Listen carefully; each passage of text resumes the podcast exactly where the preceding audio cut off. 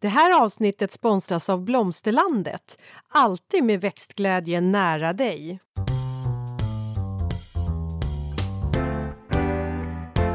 Välkommen till Ulrika och Lindas trädgårdspodd och det är jag som är Linda Kjellén, trädgårdsmästare. Och det är jag som är Ulrika Elvin, trädgårdsdesigner. Nu är jag lite fnissig här för vi höll på att skämta. Vi har precis ätit lunch. Ja. Eh, några av oss är i matkoma, inte jag. Nej, jo. Ja, precis. Ja, då vet ni vem. Precis.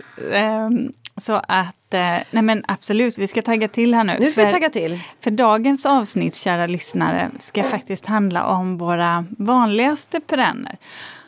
Och det här återigen, det blir väl en definitionsfråga, men i, vi har resonerat så här att vi tänker ta, prata om perenner som, som vi båda vet att vi har fått många frågor om, som jag i varje fall eh, ser i många trädgårdar eh, och som jag vet att många eh, inhandlar.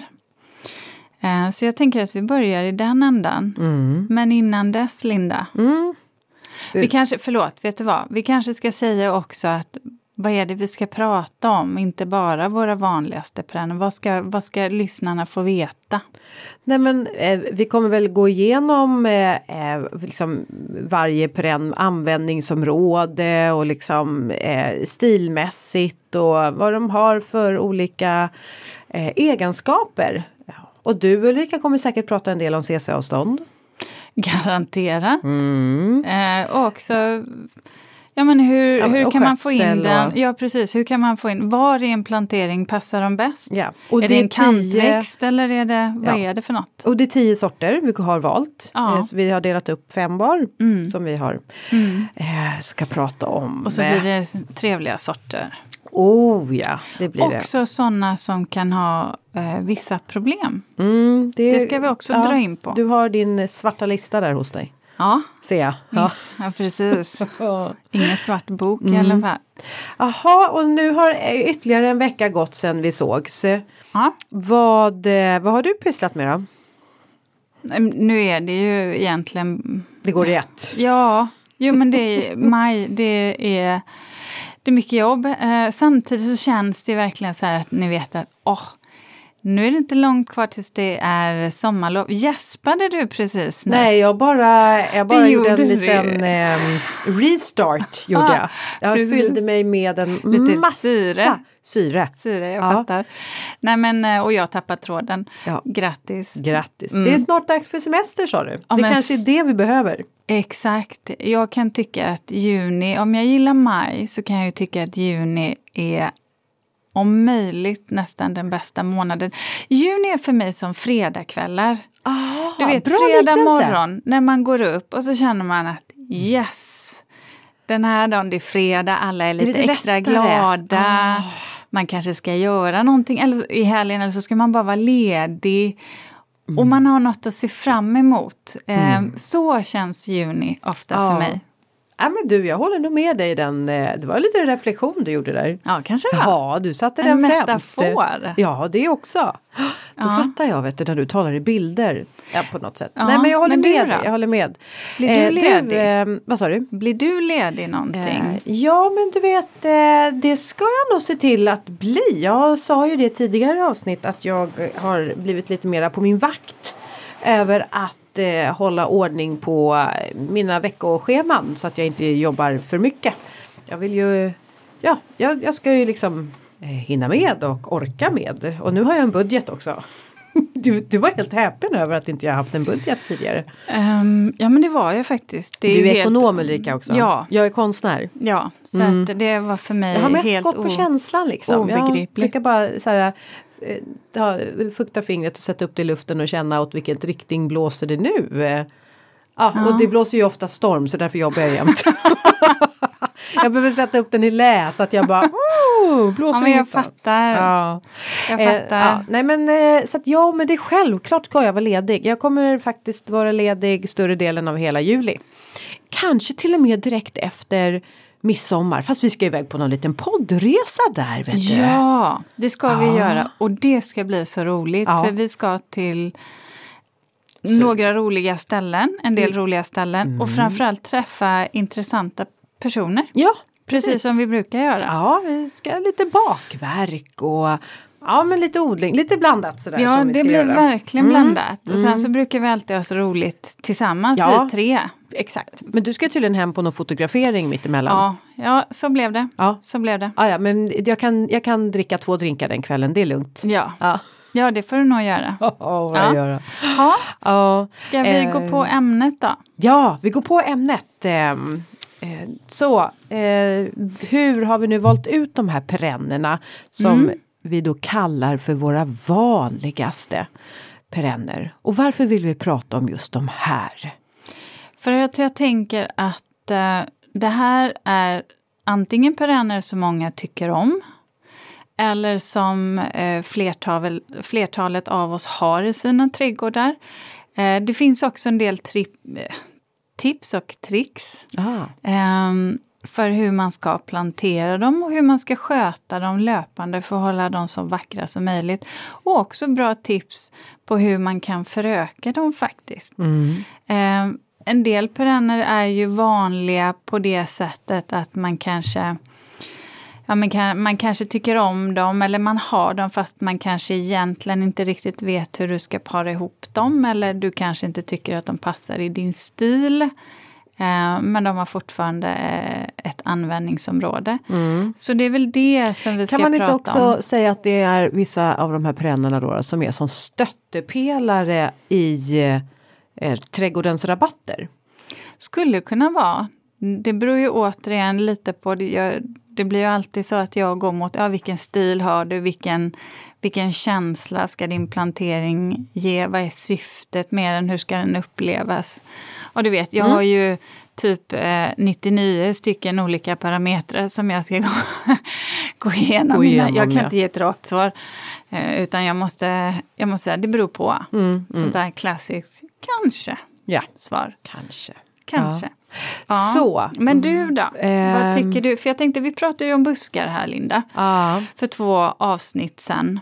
Ehm, och då sa vi ju att just när det gäller buskar i alla fall så kunde man ju se att de är planterade från en viss tidsepok. Man kan någonstans göra lite man kan göra en bedömning ungefär när trädgården är gjord eller i varje fall när det mesta, alltså de trädgårdsägarna, när de tog tag i trädgården utifrån buskarna. Tycker du att det är lika enkelt att göra när vi pratar perenner? Inte lika enkelt eh, eh, men på ett sätt ändå. Jag menar men däremot, som, säg så här då, vi tar ett exempel, dagliljor till exempel. Eh, finns ju i många äldre trädgårdar. Men det finns ju också dagliljor som har kommit i lite olika alltså sorter, nya sorter och färgskalor. Och hittar man dem i trädgårdarna då vet man att det här måste ju vara liksom lite mera modernare perenner. Så att ehm, eh, både, både ja och nej men eh, jag skulle nog säga att det kanske är samma växtslag på ett sätt fast de är eh, andra sorter. Mm. Det där är så intressant, för just när du säger det så, så känner jag att dagliga är en, en perenn som jag inte jobbar jättemycket med. Jag har gjort det tidigare. Eh, men jag bara inser att när du sa det, jag använder det inte lika ofta längre. Men det kanske är någonting, någon, jag tänker dagliljan kan man ju också använda mycket som substitut för gräs. Alltså om man nu vill ha in den där precis. kontrasten i bladverket. Så är dagliljan en som är som ett gräs men, eh, eh, men det är, eh, den- man får liksom samma känsla. Eh, får man. Eh, Men du, när vi pratar om äldre perenner så måste vi, ska vi börja med den första? Ja. Eh, det är ehm, eh, löjtnantshjärta tänkte jag säga. Mm. Och att jag säger löjtnantshjärta det är för att den br- brukar man ju hitta i äldre trädgårdar. Men löjtnantshjärtan har ju på något sätt en, eh, en livstid va. Eh, där eh, den, eh, den, den behöver bytas ut. Eh, eh, kan den behöva göras. Den överlever ju inte i hur många år som helst. Eh, Ja, och den kan bli lite gles i mitten, definitivt. exakt. Ehm, gör den. Men ja, Eh, Och eh, de... Eh, Mitt första möte med en löjtnantshjärta det är min mormors trädgård. Hon hade alltid eh, ja, men de här riktigt eh, liksom, den liksom rena sorten eh, löjtnantshjärtan Laprocapnos eh, spectabilis. Eh, jag tror man har bytt namn ett par gånger på löjtnantshjärtan. Mm, den hette Dicentra tidigare ja, men nu är det, Dicentra hette den ja, tidigare. nu är det exklusivt för fänrikshjärta. Som är ah, en liten annan. Fänrikshjärtan är Mm, då. som är en annan på den. Mm. Eh, Men den rosa hade min, farm, min mormor jämt och jag tyckte den var så fascinerande. Och framförallt så var jag så fascinerad över själva blommorna. För blommorna såg ut som små byxor på en eh, kejsare eller alltså det var så ballongbyxor verkligen. Och sen så tog man och delade på de här blommorna och, och då liksom på, på mitten och så drog man till dem. Då blev det som en, eh, en eh, kvinna med eh, kjol. Blev det. Så att för mig var nog, skulle jag nog säga, att löjtnantshjärtan blev som en eh, fantasifull eh, blomma som jag tog till mig. Sen har jag alltid kopplat in då löjtnants eh, eh, hjärtat till gamla trädgårdar. Men jag skulle nog vilja påstå att det, så är det inte alls eh, fallet utan eh, den passar ju likväl i en modern trädgård som i en gammal. Men man får räkna med att de blir inte, alltså de, de går ut, de dör efter ett, ett par år eller ett par år, tio år kanske. Jag tror min, far, min mormor bytte ut var tionde år. Det finns en löjtnantshjärta som, eh, nu sa jag att min mormor hon odlade dem riktigt cerisrosa mm. löjtnantshjärtan. Den de vanliga sorten. Den vanliga ja. Och de är ju väldigt vackra eh, så här på försommaren. Jag vet i min förra trädgård hade jag den tillsammans med de här försommarblommande perennerna. Eh, och eh, Forget Me Gay och Löjtnantshjärtan. Ja, det var så vackert, så vackert ihop. Eh, men det finns ju en sort som heter eh, Cupid. Och den är ljusrosa. Eh, Så här, den, den tror jag faktiskt att du skulle tycka om. Eh, har du hört talas om den? Nej, den har jag faktiskt inte använt. Jag använder ofta den vita. Ja, den vita ja. Men du, den här ska du titta på. Eh, Cupid, den är C-U eh, Mm, den var fin. P-I-D. Ja, du ser den. Ja. Mm. Eh, väldigt så här, um, ja men väl, pa, lite mer pastell, ljus ljus. Alltså ehm, Cupid. Cupid. Ja, det kanske är så. Supid, sa jag så? Vad sa jag? Cupid. Ja, men det är, Cupid, väl, det är väl Cupid. om vi pratar lite Ja, stavning Cupid. där. C. Ja, jag. Ja, det stämmer. Mm. Ja, Cupid. Eh, den, den gillar jag. Eh, sen Har vi, Jättefin. ja. Och du sa den vita löjtnantshjärtan, då är det Alba. Ja, Mm. Men jag har hittat en som jag eh, tror skulle passa väldigt fint på Åsby. Mhm. Jag bara en liten, bara en liten blink till dig. Eh, Valentine. Mm. ja eh, den mörk. Ja. Den mörka ja. Det som är speciellt med eh, den här löjtnantshjärtan det är ju att den har också lite röd eh, bronsfärgade skälkar. Annars är de ju bara då det här gröna krispiga Eh, blad och eh, skälk, skälkarna. Men den här har ett som går lite i det här lite rostiga, eh, lite röd, ja men rödgrön är den. Mm.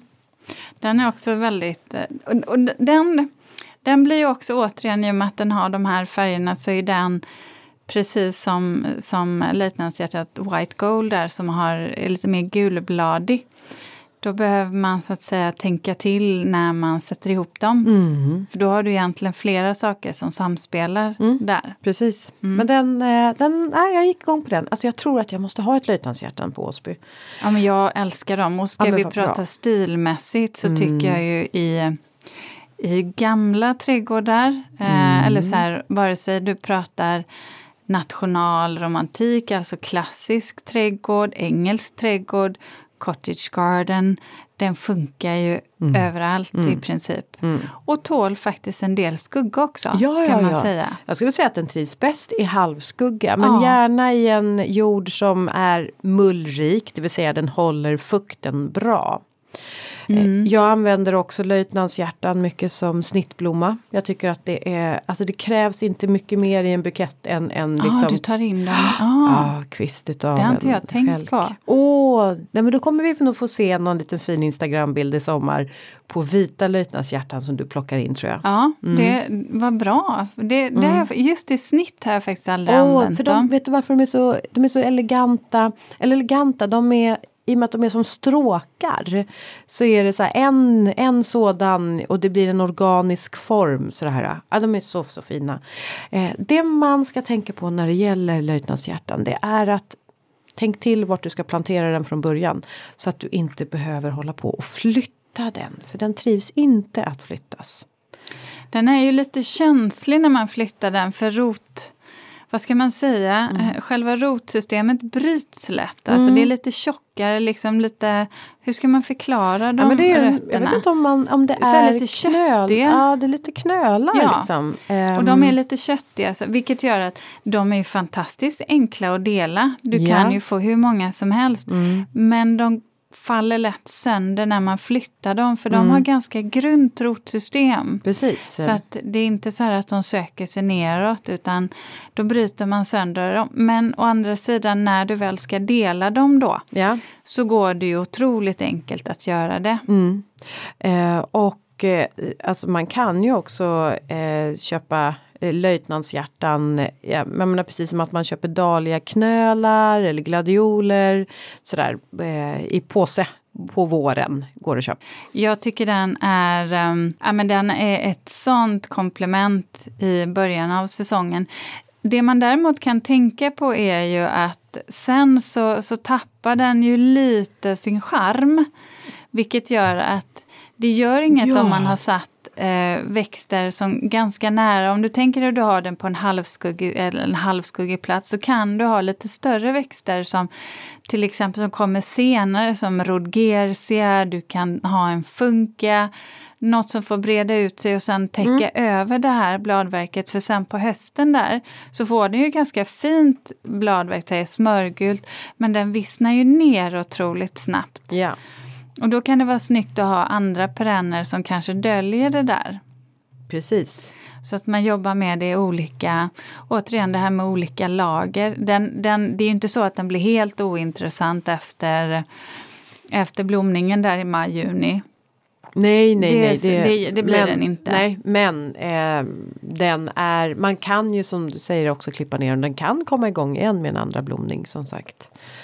Men då eh. blir det lite tråkigt och tomt i rabatten. Ja det blir det ju. Det blir det, ja. så att, eh, Men ja. allt återigen skir, försommargrönska. Ja. Um, CC-avståndet här tycker jag nästan du kan ha på 50 centimeter. Ja, De blir ganska stora. Ja, 50-70 centimeter till och med. Ja. ja. Mm. Eh, åtminstone för att bara få, få dem i tillräckligt bra eh, form där. Ja. Mm, fina vita, eh, ja. blekrosa, allt men som, som sagt, blommar tidigt, eh, ljusblått också mm, som du men, sa Fiat Migi. Precis, men tänk på att eh, den kan behöva bytas ut eller alltså ersättas. Den, den orkar inte med. Eh, den, det, är inte, det är ingen långlivad perenn om vi säger så. Nej, och så, så måste man se, även om man säger att perenner är fleråriga, så, så är det verkligen så att vissa perenner kan leva hur länge som helst. Mm. Till exempel pioner. Ja. Eh, andra kommer gå ut. Nepeta ja. kan vara en sån mm. till exempel. Eh, så att det där får man nog se. Vi kommer komma in på några fler mm. perenner som, som jag nästan, ja, jag räknar dem inte som ettåriga men jag har eh, jag vet att jag kommer få mm. eh, ersätta dem så småningom. Mm. Så jag ska säga, och anledningen till att valet föll på löjtnantshjärtan är för min egen del att jag tycker att det är en väldigt vacker försommarblommande perenn som också skapar volym i rabatten. Och eh, att den eh, eh, ja, eh, är det. Ja, bra, bra val. Fin också till eh, blommande eh, lökar Mm, som blommar lite senare. Även allium kan det vara jättefin Ja, till. men du, allium fanns med i den rabatten. Ja. Eh, allium och Forget Me Gay och löjtnantshjärtan. Och... Ja, ja, men den blir jättefint och Mm. framförallt de här lite allium som kom lite tidigare som Purple sen- sensa- Sensation. sensation, Idag ja. hade jag svårt med konsonanterna, hörru du. Ja. Eh, men då kan det vita vara väldigt vackert Ja, precis. eh, till Ja. faktiskt. Mm. Har du, visst har du någon vit här i Ja, trädgården? jag har, eh, jag har faktiskt löjtnantshjärta på flera du har ställen. Jag blev lite sugen på Cupid när jag såg den. Ja, men visst blev du det va? Vilken ja. rosa Vilken färg. rosa färg ja. Ja, Ja. Den var ha, snygg. Eh, och jag vill ha eh, Valentine. vill jag ha. Valentine. Yes, Valentine vill jag ha. Ja. ja. Eh, Hord, Hordival också. Hordival. Hordival. Jag vet ju inte om jag uttalar de här rätt. Eh, men Hordival. Mm. Men du, Funka behöver vi inte lyfta nu. Jag vet att det är en av dina favoriter. Men det har vi haft ett eget avsnitt för, nämligen nummer 122. Stämmer. Så lyssna på det hörni om ni är intresserade av funkor. Ska jag, ska jag ta stjärnflockar då? Ja, det är också en favorit för dig. Ja. Och även mig. Men jag vet att den är återkommande i, eh, eh, när du ritar trädgårds. Ja, jo, men den, den kan jag, jag kan verkligen gilla den. Den återigen, den passar i klassiska trädgårdar, den passar i naturalistiska trädgårdar. Den kan vara jättefin i sol, men funkar också i halvskugga.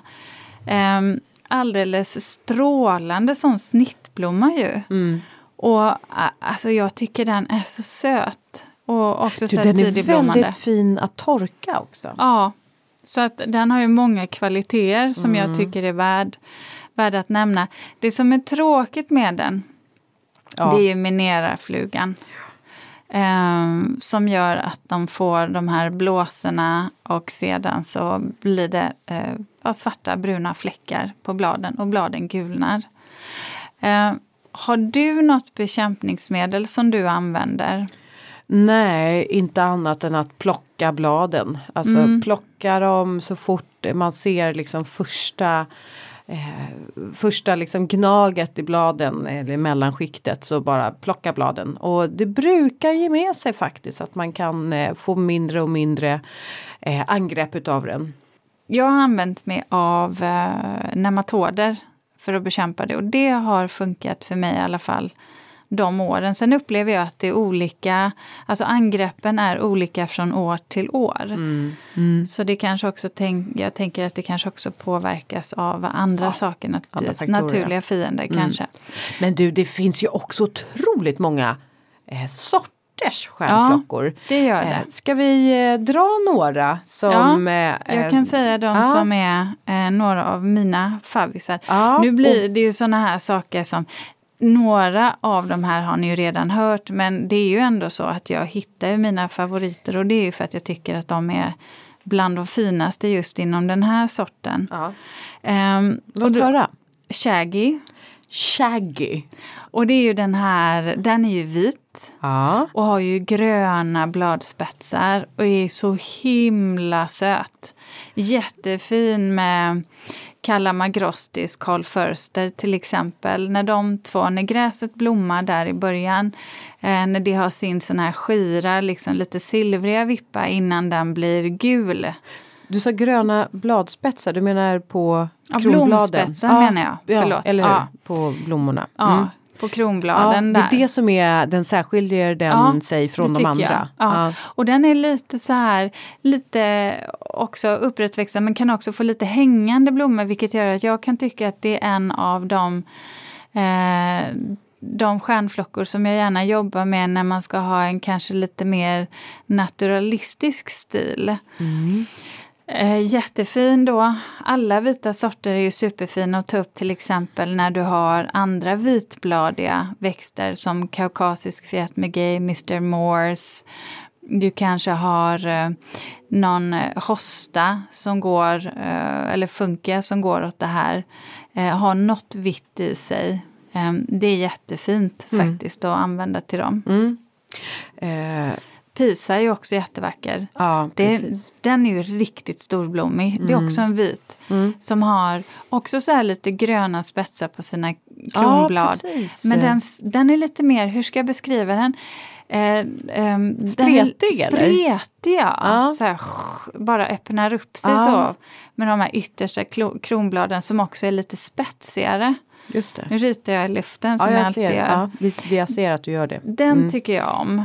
Eh, har du någon rosa då, stjärnflocka som du Ja, bara... åh. om man vill ha en liten eh, sån här mellanrosa variant eh, som också blir väldigt bra i sol, som inte då ska blekna, det är ju Roma. Roma. Ja. Mm. Eh, den tycker jag är helt fantastisk. Den håller alltid. Mm. Och, men det är lite mer drag i den rosa. Den är inte mörkrosa men det är verkligen en sån här mellanrosa. Den är inte blekrosa. Nej. Den här kan vara jättefin med till exempel eh, anisörten Blackadder eller caradonnan. Eh, salvia, cara, steppsalvia caradonna. Eller till exempel eh, den är också jättefin till kungsnävan. Ja, Fin till vissa rosor också, kan vara fin till vita rosor. okej. Eh, kan vara jättesnygg till det för om man så att säga vill få in lite rosa i den färgskalan. Rosea då, vad tycker du om den? Eh, då tycker jag nog Roma är finare, eller Florens faktiskt. Okej. Skulle jag hellre välja. I, Ja. i, och det här är ju en nyansskillnad. Det här är lite tycke och smak. Jag gillar de andra bättre. Roma är dessutom ganska stor. Okej. Vill man ha en ljusrosa Ja. i och för sig, Ja. då är min absoluta toppfavorit Buckland. Buckland ja. Mm. Alla den är ju väldigt kategorier. eh, mild eh, rosa. Ja, är den är, alltså den är så fin. Den är otroligt fin. Seglar upp till en favorit till och med, Buckland. Ja, ja, den, den och Shaggy är en av de två som jag använder mig mest, Mest. av. Ja. Och det kanske kommer sig också av att de flesta av mina kunder, om de får välja, ändå går mot eh, vitt eller kall pastell. Mm. Eh, du har ju också Diamonds White som är den är ju egentligen vit men den har en sån här en botten som är, så att säga botten på själva blomman är så lite ljusrosa, väldigt blekt rosa så att den ger ändå det här lite blekrosa intrycket. Den kan jag också tycka är väldigt söt. Mm.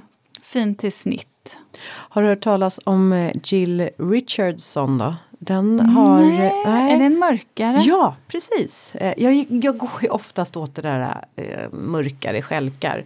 Och den här är en, eh, också en lite cerise, eller lite, den är ganska skarp cerise i sin blomma. Men den har ett eh, bladverk som både har de gröna bladen men så kommer också de här mörka bladen. Och sen är den på just eh, eh, mörka skälkar. Passar väldigt fint ihop med just löjtnantshjärta till exempel. Ja. Star of Passion är ju snygg. Mm. Eh, den är ju lite mer så mörk på utsidan och sen så är ju själva blomklasen, eller hur man ska förklara det, den är ju lite, lite ljusare. Mm. Eh, du kan ju också gå, det finns en som heter Story of Love också, den är lite mer genomgående röd. Mm. Sen är ju de här eh, lite speciella för de kan ju ha, alla stjärnflockor kan ju ha ett visst uttryck när de är i knopp Ja. och när de är på väg att slå ut, när man ser undersidan av kronbladen när de går från knopp till utslagen blomma. Ehm, och då kan det vara så att färgskiftningarna skiljer sig lite åt. Jag tycker inte alltid att det är så rättvisande när man tittar på fotografier faktiskt. Eh, för det skiljer också en hel del om när man har tagit fotot och ifall det är gassande solljus. Ja. Ja, man ska klämma och känna på dem alltså. Ja men det är nog ganska bra faktiskt. Ja, jag gillar att eh, de det finns väldigt många stjärnflockor som också är svenskodlade. Mm, så att det vi kan- var intressant. Ja, att vi också väljer växter som är odlade i Sverige. Och det här är ju en klassisk brand. Det här kan man ju, den är så tacksam. Du kan väva in den i princip var som helst. Sen måste man tänka på så här, de är otroligt villiga att frösa sig. Så plockar, klipper man inte av blomstänglarna, då har du ett problem. Jag fick Sen. aldrig det problemet fast jag ville ha det problemet. Så ja, fick jag jo, men jag, eh, jag har det definitivt. Delar du dem? Ja, det kan jag göra. Ja. Det gör jag. Men det är mest bara för att jag vill få fler. Ja. Det är väl så jag gör. ja. Mm. Annars får de annars Och får du de delar stå. dem på vilken tid på året? Ja, men Våren, oftast, hösten? oftast så eftersom de är ganska tidiga så brukar jag kunna dela dem direkt på våren Ja, faktiskt. ja Jag brukar tycka det är enklast. Mm. Det går ju absolut att göra det på hösten också. Ja. Men oftast så, så har jag lite bättre koll där Ja. på våren kan jag själv tycka. Men, eh, Ja. är ju alltid ett bra sätt att få fler plantor. Ja, verkligen. Mm. Och om man inte då, och annars så sår du så låter de frösa sig och så får du ta någon av dina miniplanter. Mm. Helt enkelt. Tar det ju lite tid innan de har satt sig eller så kan man också fröså. Precis. Linda, visst är vi stolta över att ha en sponsor till dagens avsnitt? Ja, och det är Blomsterlandet. En trädgårdsbutik nära dig med butiker över hela landet och en e-handel som är öppen dygnet runt. Välkommen! Du, eh, apropå fröså. Ska vi prata om eh, den där daggkåpan? Ja, det är ju en det är en otroligt vanlig växt. Mm, Eh, Men också en som man har börjat att bli lite rädd för att använda. För att den finns med va, på eh, listan. Mm, med Eh, risk för att bli invasiv. Ja, jättedaggkåpan. Mm. Mm.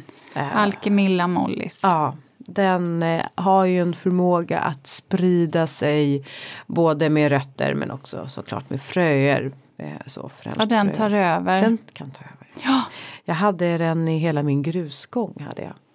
Mm. Den varje, och de, jag tycker de är så söta. De får så små, små, små söta liksom riktigt karaktärsblad som är utvecklade i miniformat.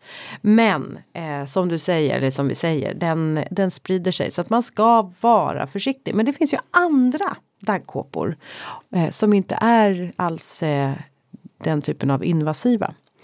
Bland annat så finns det ju den eh, eh, rödskaftade daggkåpan. Gillar jag. Och även eh, silkesdaggkåpan. Mm, den Goldstrike tänker du på. Exakt, Mm. Goldstrike. Den, eh, och jag tycker det är bra för att jag måste säga att jag tycker daggkåpan är jättefin. Och gud vilken användbar växt. Ja. Som kantväxt, vackra blad, vacker blomning. Jättefin till snitt. Eh, men precis som du säger har ju en tendens att ta över och bli ganska stor. Mm. Eh, man kan ju samtidigt vara väldigt brutal mot den. Och är det nu så att man har daggkåpan i sin, eh, i sin trädgård så be- det är inte så att man behöver vara, få panik tycker jag för att Nej. man har dem. Men däremot var noggrann, med, var noggrann med att klippa av blomstänglarna då innan de hinner gå i frö. Mm. Och se verkligen till att eh, om man nu har någon rotdel kvar, att man slänger det på sin egen kompost så att man inte slänger ut den i naturen där Mm. den då kan få fäste. Precis. Eller så får man helt enkelt åka med, till tippen med den. Men, Mm. men den ska absolut inte slängas Nej. på någon allmän eh, kompostyta eh, någonstans i naturen för det, det är dumt. Det är dumt. Och den är, den är ju väldigt snabbväxande. Är den. Just, är den. eh, just namnet daggkåpa. Det, eller, ja, det syftar ju på att det, bladen har ju som silkeshår. Har de. Och när då daggen lägger sig här i då balanserar sig liksom dagg eller lilla droppen på de här silkeshåren vilket gör att eh, det är som att det, det f- vattnet fäster inte på bladen och då får man den här lilla daggdroppen som ligger kvar eller flera stycken. Det Ja, den är vacker. Jag brukar alltid dela den på våren. Du delar den på Ja, våren ja. jag tycker ja. det blir så himla mycket bladmassa. Jag tycker det är absolut enklast. Mm. Och likadant så här, har den spridit sig och blivit för bred, Mm. då drar jag helt enkelt spaden i den och så tar jag bort den delen. Eh, så att den inte konkurrerar ut. Och där ska jag säga att vill man ha nu ett CC-avstånd, nu säger jag inte att man ska köpa nya och plantera ner dem, för, för det här är nog en växt som man försöker fasa ut. Mm. Men om man har den och vill ha lite fler Ja. så kan jag tycka att um, CC35 går bra. Du kan gå upp till 40 om du vill det. Ska du jobba med silkesdaggkåpan Gold Strike där, då skulle jag lägga mig på 35. Mm. Eh, fjälldagkåpan, då kanske du går ner på nästan 30 där, det beror Mm. lite på. Eh, för de är inte lika storväxande. Men, eh, men annars så, så tycker jag att eh, ja, den får man vara Den lite också- va- varsam med. Ja, men, och det är också det att den är så eh, liksom lättodlad. Det är också att den trivs i de allra flesta lägen. Ja. Även i de här riktigt torra lägena. Har ju- Däremot ska man säga att då tycker jag de inte blir riktigt, de kommer inte riktigt till sin rätt när de det blir så- för men torrt. det, nej, men det är För väl det märker jag i. Skåne. De på tappar lite sandjorden. färgen då också. Att de Och under riktigt- stora träd så tycker jag, precis de tappar färgen, Mm. de blir lite fadda, lite brunaktiga. Och sen under stora träd så kan jag ibland om de sitter för nära och det blir torrt också så kan jag tycka att de får en del fula skador på, på sina blad. Mm. Men att vi har valt den är ändå för att den är en väldigt eh, tacksam marktäckare. Ja, för att den är så vanlig. Och det här är vanlig. våra vanligaste Ja, så jag tänker precis. att det är väl bra att veta hur man ska Ja. Mm. hantera den nu då så att den inte sprider sig hur mycket som helst. Precis. Ja, ska, jag, ska jag ta min nästa? Ja. Och då kommer det självklara, Nej, oj, oj. steppsalvian. ja, vad skulle väl eh, livet vara utan steppsalvia? Eh, det, det är också en sån här otroligt tacksam växt. Salvia, ja, i Ja. soligt läge. Jag tror att den har jag med i princip nästan i alla Ja. planteringar. Jag tror faktiskt det också Ulrika. Så, så är det, för det finns så många, det finns en uppsjö färger Kommer den också. dyka upp på Åsby? Eh, garanterat. Jaha. Garanterat.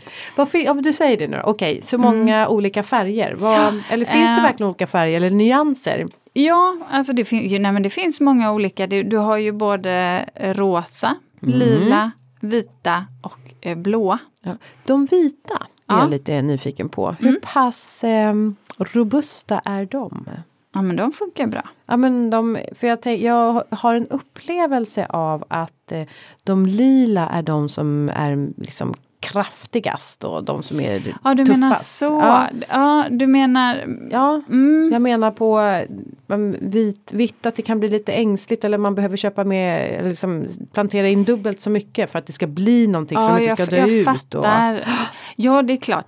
Alltså, jag menar jämför snehygel som är en vit, Mm. eh, lite lägre salvia som du faktiskt kan använda som kantväxt. ja. Jämfört med Bumbleberry som är verkligen så här mörkrosa, mörka stänglar. Ja. Det är klart, Bumbleberry kommer ju bara, ja du vet den, den Ja. kommer ju verkligen sticka ut. Ja.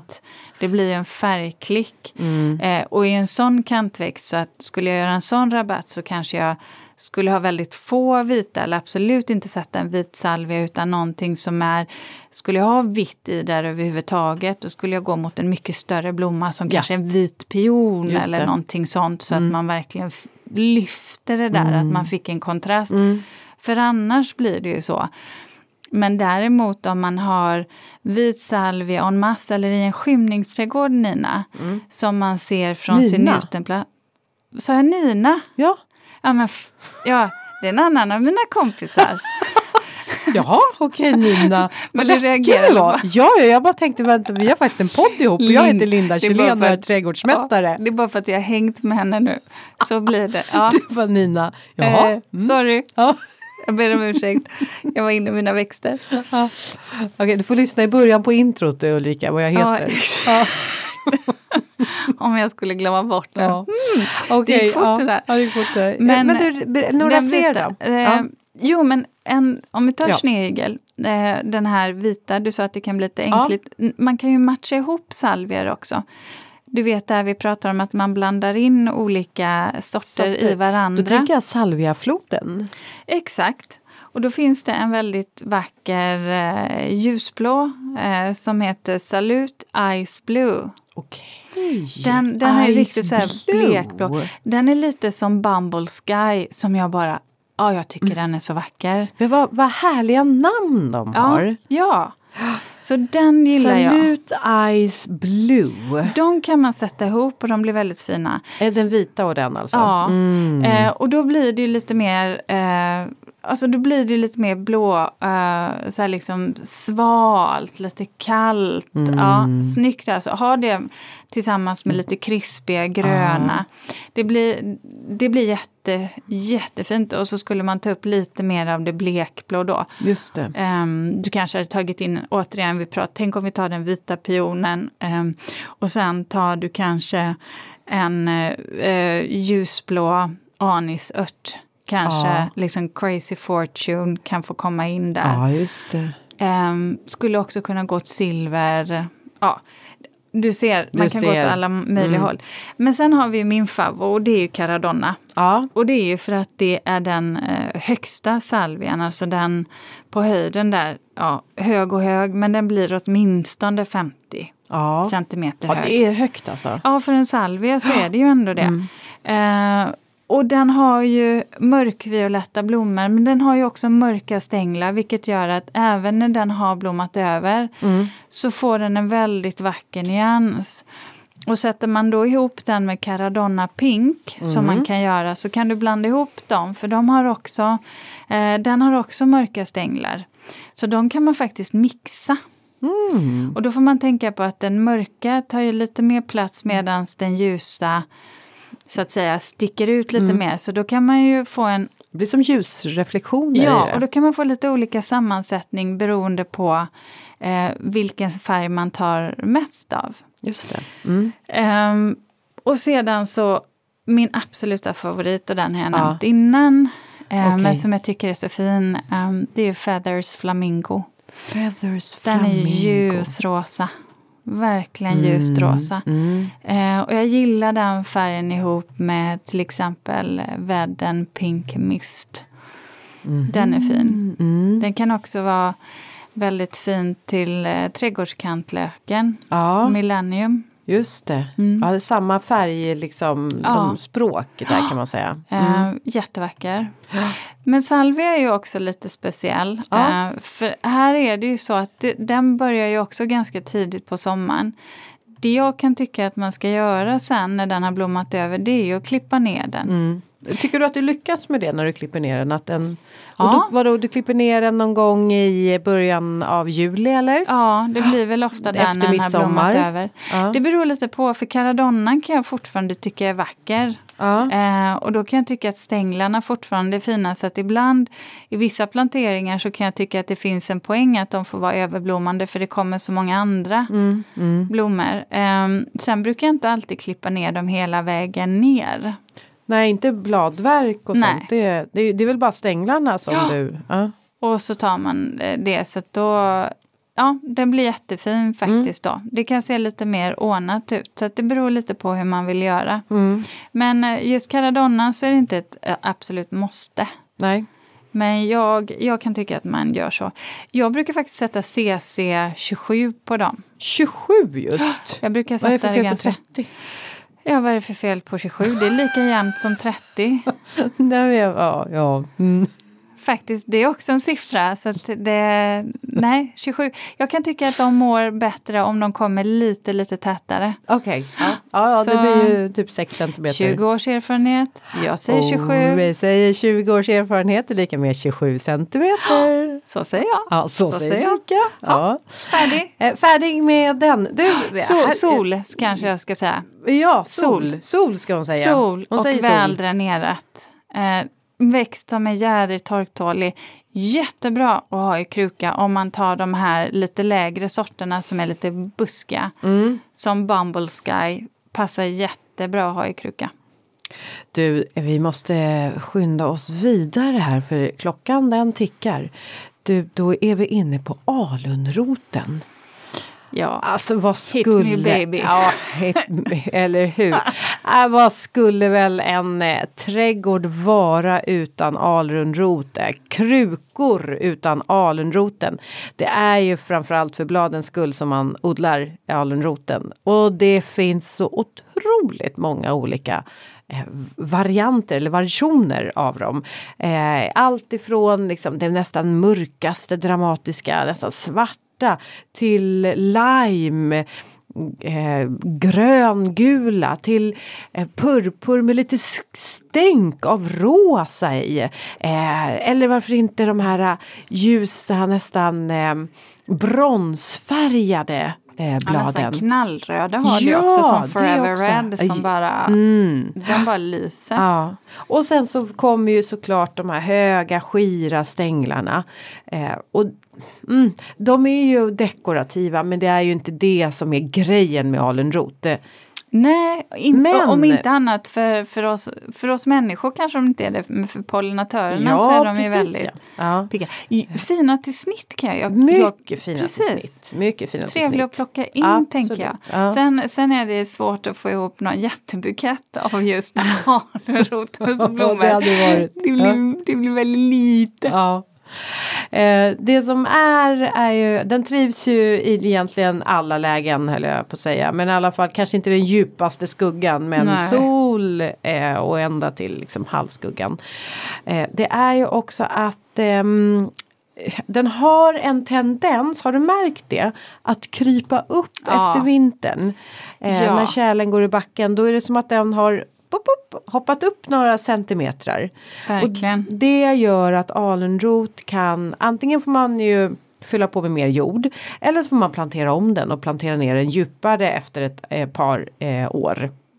Ja, så är det. Mm. Jag kan också uppleva att alla sorter faktiskt inte är så härdiga Nej. över vintern. En del Nej. övervintrar jättebra och blir lika stora som de var året innan Mm. och vissa sorter eh, ja, viker bara ner sig helt enkelt. Ja. Så det är också en sån där växt som jag tycker är sådär, mm, där kan jag behöva få byta ut Mm. ibland. Mm. Eh, den eh, blev årets perenn 20, 2003. Mm. Och flera utav de här har just blivit årets perenner. Det är också en, ja, eh, en, en intressant lista att titta på också. Men den ska uppdateras emellanåt.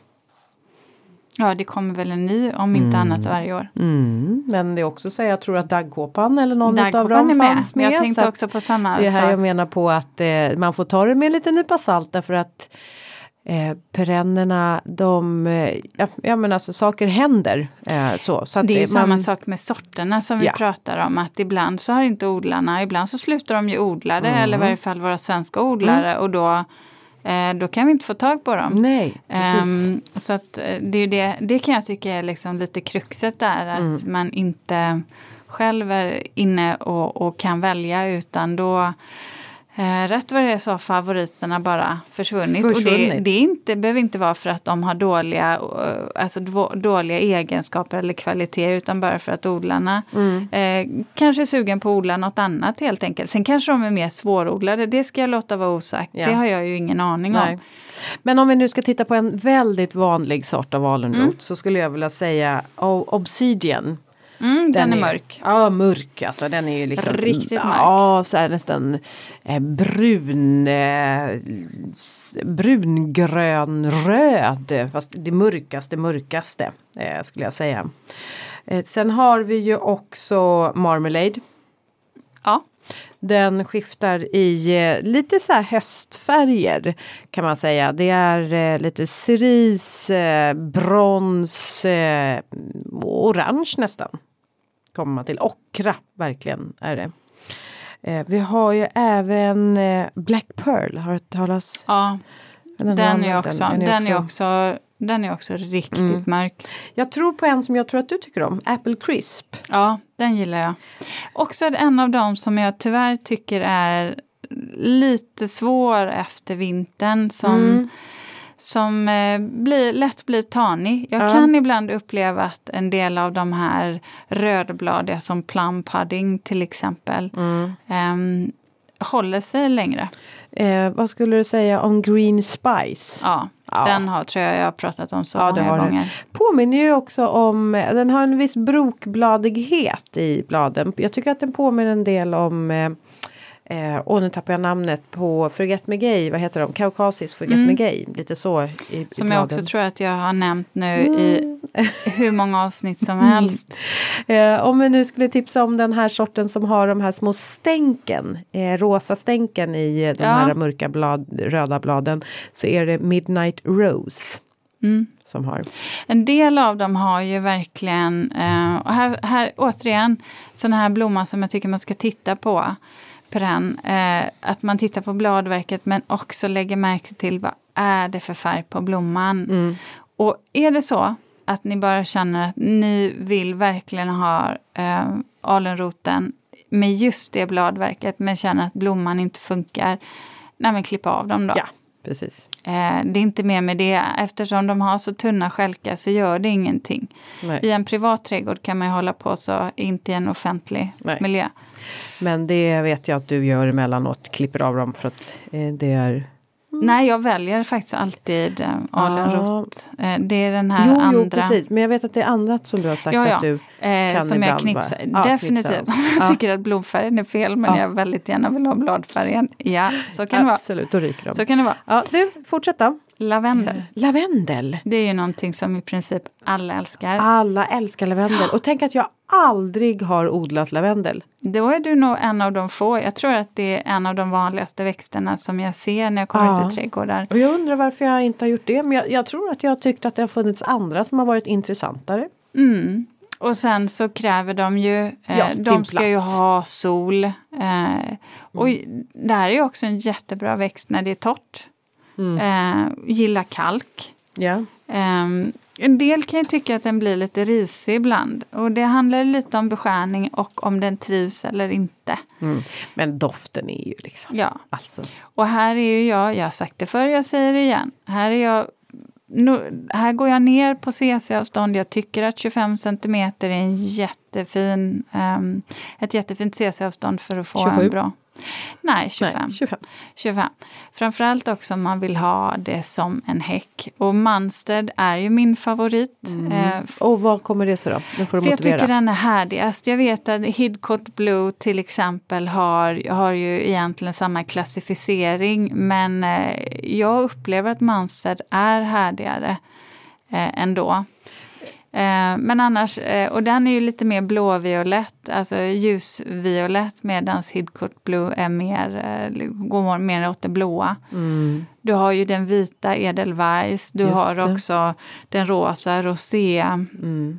Rosea. Men den har ju tror jag bara ehm, klassificeringen C, Okej. Asterix. Så att den är ju i princip kanske bara härdig optimalt nere i Skåne. Mm. Eh, men den kan också vara jättefin att blanda ihop i en kruka vet du. Mm. Med eh, till exempel rysslök eller med, nej inte rysslöken, nu tänker jag, nej samma sak där, pink mist till exempel. Mm. Eh, skabiosan, Skabiosan. ja, Mm. vädden där. Eh, Jag tror att Mm. eh, varför jag inte har odlat eh, lavendel. Jag tror att det är för att jag när jag planterade de allra flesta växterna i min förra trädgård så ville jag ju att det skulle snabbt hända någonting. Att det skulle liksom komma, komma upp och bli så här massor utav det. Och då eh, tänkte jag att lavendel är ju lite halvt förvedad. Så jag tänkte att det där, det där kommer ju ta sin stund innan det blir någonting utav den. Tänkte jag. Så att då valde jag eh, andra sorter, till exempel kantnepeta. Och där, just lavendeln där, ehm, där kan du beskära den antingen här på eh, våren, alltså ganska tidigt då på våren. Eh, och du kan klippa den hyfsat hårt men du måste inte absolut göra det utan har man en häck så kan man bara liksom ja, ansa till den. Eh, och sedan så jag skulle aldrig, det är aldrig som en perenn så att du klipper av den ända längst ner. Jag skulle nog säga att du åtminstone ska spara tre bladpar. Ehm, men du kan också faktiskt vara inne och putsa på den i, i augusti. Det är inte fel att göra det heller. Och klipper du bort blomstänglarna där under juli successivt och, och kanske skörda blommorna, då får man ju tänka på, då kommer det ju mer. Ja, Det här är ju en krydda, precis.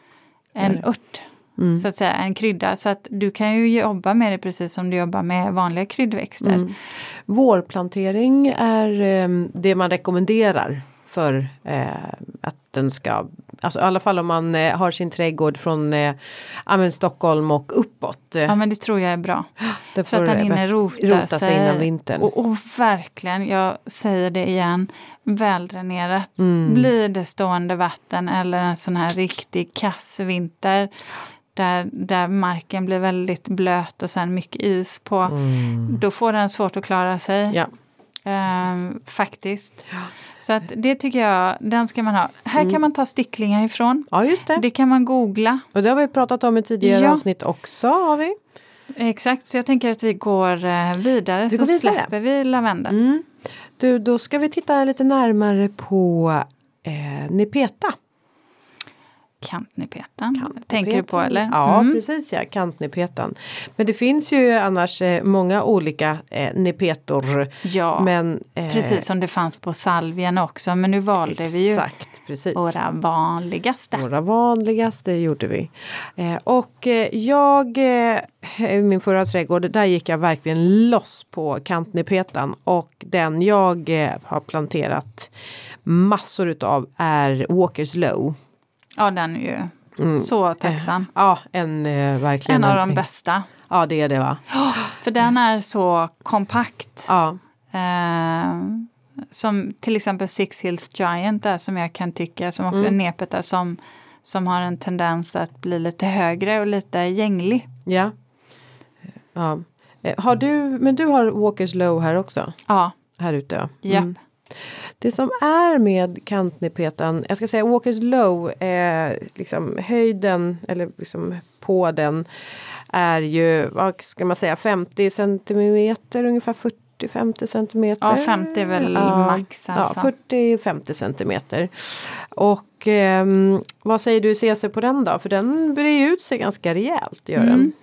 Mm. Eh, du kan gå upp till 35 Ibland kan jag tycka att kanske 32 är bättre. Det beror lite på förutsättningarna. Mm. Du kan absolut sätta dem ner på 32. Men mm. 35 funkar också. 35, uh. Men inte mer. Nej. Jag skulle inte gå över 35. Nej. Nej. Eh, och eh, trivs i ett eh, härligt soligt läge. Eh, men än en gång en väldränerad jord mm. och ehm, jag tycker att den är väldigt vacker. Här, jag vet att du har den här utanför med eh, steppsalvian, eh, stjärnflockan och eh, vad har du mer? Hakonegräset. Hakonegräset, vad är det? Mm. Ah, det är vilken, vilken eh, den är smashing. Den är smashing är den. Mm. Och sen så har du också formklippta, är det ligusterklot du har? Idegransklot. Ja det var idegran du har ja. Nej men gud så snyggt så, ihop alltså. Den är också, den nepetan är också jättefin tillsammans med Acleia Blue Barlow. Mm. För de, den är också en tidigblommande ja, perenn. Så den, eh, det är en bra det är en bra kombo. Mm. Eh, tuv, eh, så det här, åh vad heter det, Descampsian, vad heter mm. den? Är det tuvtåtel? Ja, kan det vara det? Mm. Goldschleier kan mm. vara väldigt fint till både Caradonna och till nepeten. Mm. Eh, det finns ju, annars finns det ju flera andra olika eh, sorter också. Mycket så här eh, Kit Kat finns det de som heter. Cats pyjamas finns det de som heter. Eh, och det är väl för att eh, katterna blir så tokiga när de eh, kommer i närheten av dessa.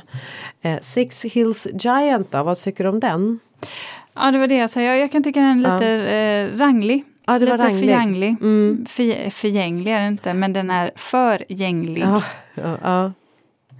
Eh, och um, det som är med kantnupeta det är att den har en tendens att bli ihålig. Alltså den lägger sig, för den växer ju som en tuva och sen, sen blir det som att den kollapsar ifrån mitten. Och så har man bara som en krans av blommor utan liksom så här som en ring. Och det gör ju att ett som jag vet att du gör, du klipper den. Samtidigt som du klipper steppsalvian eller? Ja. Och så kan den komma igång med en andra blomning. Men annat fall så behöver kantenbetan delas för att den ska hållas hela tiden mm. frisk och liksom bryta Därav nytt. Därav sätter man den tätare. Ja, för att sätter man den tätare så stöttar de Exakt. varandra. Exakt. Smart! Mm. Och då blir det också så att, att någon går ut ibland, vilket just nepeta kan göra. Mm. Så, så märker man inte den förlusten lika snabbt som om du har satt dem för glest. Nej, just det. Um, mm. Ja men du, eh, och den är också, det vet jag eh, hemma i min förra trädgård att eh, åh oh, herrejösses vad man kunde bjuda in pollinatörerna. Ja. Oh vilket surr det var kring den där. Ja, nej jag tycker de är fantastiska och ja. som sagt var just den här blomningen så ska ni ha student eller bröllop eller vad som helst i, i juni alltså så är den ett måste i era ja, trädgårdar. faktiskt. Också väldigt väldigt fin att ha eh, ha i eh, kruka, Mm. tycker jag. Mm. Mm.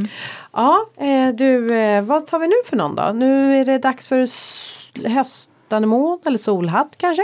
Ja, ska vi ta solhatten Ja, vi så tar avslutar solhatten. jag med höstanemonen sen.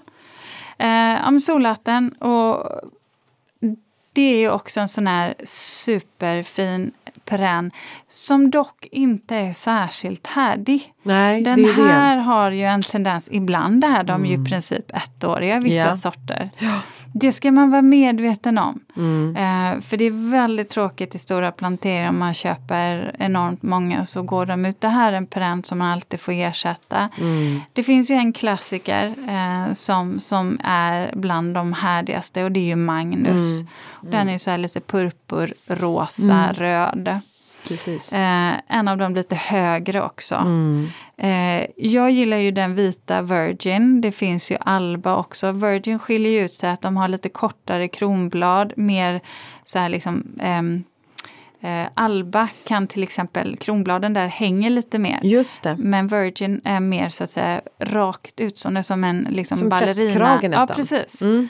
Så, eh, har en grön mitt precis där när de kommer, även om den ändras successivt och går Ja. mot det lite mer orangefärgade sen. Ehm, här finns det ju många sorter att välja med. Alltså det finns så många sorter. Eh, men här ska man också säga att det är få sorter som, ö- alltså som odlarna har kvar. Jag har tänkt på det när man tittar i katalogerna. Jag älskade ju en sort eh, och älskar fortfarande. Men som heter Prairie Splendor för att den hade en sån, återigen en sån här stabil blomma. Ja. Eh, rosa. Ja. Eh, den har jag lite svårt att få tag på nu. Mhm. Eh, tyvärr, för det Ja. var en av de bästa och den har hållit sig i flera år hemma hos mig i alla fall. Okej. Ehm, jag gillade också en som hette Sundown som hade så solnedgångsfärger. Den försvann också illa kvickt. Nu är det ju många eh, sorter bland de här Sunseekers Mm, serien. ja, som har kommit. Ehm, jag, har, jag har inte odlat dem eller testat dem ute hos kund så att säga under en längre period så jag vet inte hur de är, alltså hur länge de kan stå. Nej, vad är Sunseeker-serien för något då? Jag det vet faktiskt inte Nej. men det man kan säga är ju att Är de, de här lite är lite mer knubbigare, ja, lite kompaktare? knubbigare, kompaktare. Och sen så har de också blommorna i sig ändrar färg ganska tydligt. Vissa kan ju vara så att Ja. säga börja i gult och avsluta i någon laxrosa. Jag vet inte om jag är sådär superförtjust i det. Nej. För för mig som då man vill ha koll du vill på sin en färg. färgskala Mm. så kan jag tycka att det blir lite svårt om Mm. blommorna går, alltså gult, från gult till laxrosa, det är ett ganska stort hopp. Det är Ja. två skilda kulörer ja. för mig. Ja. Så att, ehm, ja de där måste man, jag känner att jag kanske måste testa Mm. dem och ehm, kanske något som man skulle vilja testa för kruka. Ja, faktum är att ehm, eh, Sunseeker-serien är också något, alltså en bra härdighet på de här. Eh, vilket gör då att de ehm, lämpar sig också bra för eh, en Ah, kruka. Eh, kompakt och buskigare växtsätt. det har de Eh, ju. ja, och bladverken kan vara något kraftigare och mustigare i färgerna. Och det jag har gillat i och för sig med solhatten har ju varit det här lite mer steppliknande utseendet. Mm. Ehm, så, så att ja, det känns som det blir en liten annan typ av planta. Ja, Lite mer återigen att man går mot det här förädlade utseendet och frångår det vilda. Men nu finns det en hel del alltså andra sorter att välja på. Så Ja. att jag ska inte säga att man behöver inte vara ledsen. Nej. Man hittar många vanliga sorter också. Precis. Sen finns det ju dubbla också. De kan se lite funky ut. mm, mm. Eh, jag vet att jag har jobbat eh, med dem ibland. Inte en sån blomma som jag använder jättemycket av. Jag tycker den enklare, den vackrare. ja. Men eh, så är det. Ja, du, Eh, eh, vet ja. du vad? Vi har egentligen faktiskt två eh, växtslag perenner kvar och det är höstanemon och nävor. Mm. Eh, jag tänker, ska vi prata om höstanemon? För nävor tänker jag att vi kanske ska ha lite special med nävor. Det är ju ett grymt stort släkte. Ja, det är ju det. Så du, eh, när det gäller nävorna kanske vi bara kan namedroppa ett par sorter som vi Mm. gillar. Men ta höstanemon då. Höstanemon och här det här är ju en växt som, som jag tänker att man kan vara lite försiktig med. Okej. Eh, för att vi har ju höstanemonen och sen har vi silvrig höstanemon. Mm. Eh, och eh, hybrida är ju de sorterna när det, kom, när det heter anemone. Mm. Hybrida, då är ju det sorter som inte har en tendens att sprida sig. Men om du tar till exempel ehm, vanlig eh, eller silvrig höstanemon som robustissima till exempel. Mm. Den sticker ju iväg.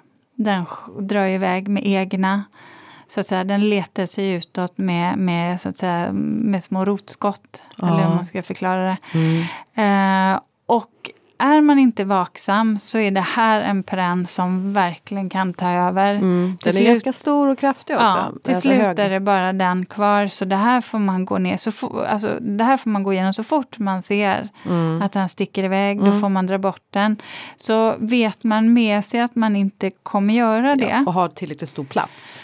Ja, eller om man då så att säga inte bara ska ha just den sorten där. Då skulle jag rekommendera att man hellre jobbar med hybriden. Ja. Ehm, och då kan jag tycka att det finns många fina sorter. Du har Whirlwind som är liksom lite halvfylld, vit. Eh, Andrea Atkinson eller Honorin Jobert, vita. Jättefina sorter båda två. Ehm, vill du ha den här lite mer ljusrosa som vanlig eh, silverhöst, silvrig är, då har du ju Königin Charlotte. Eh, eller eh, Royal Candy. Den är också lite mer, den har en större mitt, jag vet jag har pratat om den tidigare. Sen har du de här lite mer rosa-röda. Eh, och då är det ju eh, Fantasy Jasmine.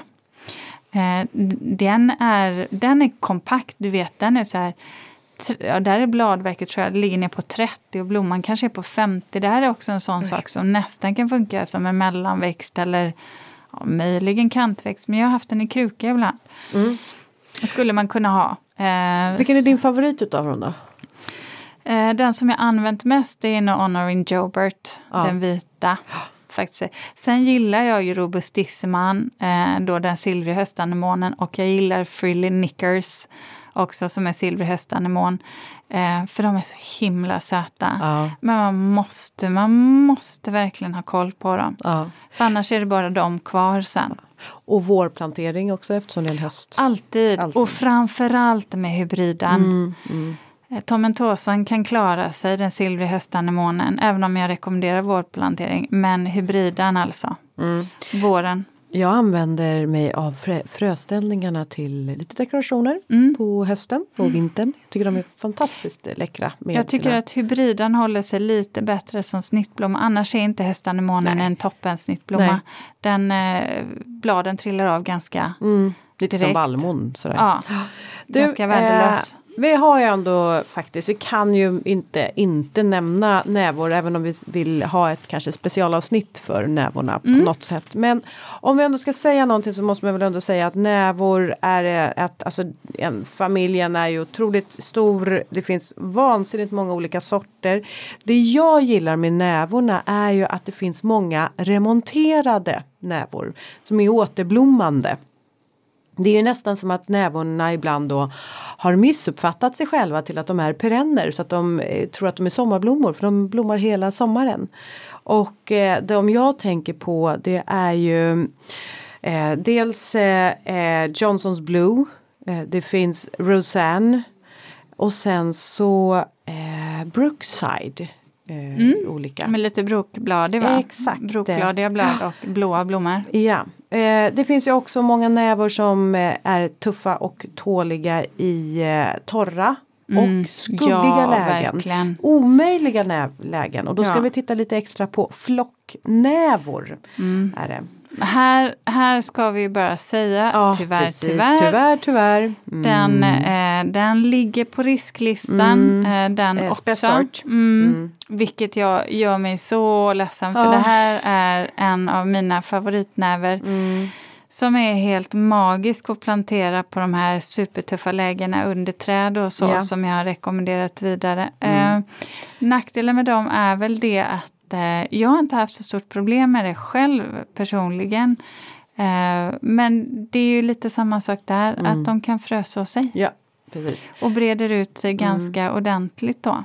Brunnävan tycker jag väldigt mycket om. En, en personlig favorit. Blanknävan, silverwood. Det är ju någonting som man skulle kunna ersätta med under Ja. eh, träd. Mm. Ja. Och sen finns det ju de här också som är väldigt låga som passar i stenpartier, torra jordar. Jag tror vi får ta ett eget ämne om det. För näverna, och det här, man kan jobba med dem på så olika sätt. Ja, Eh, jungfrunävor tänker jag Ja, på. Mm. för vet du vad jag tänkte på? Nej. För att nu har vi pratat Ja. om det här med, med perennerna och om man då ska, om jag bara ska ge en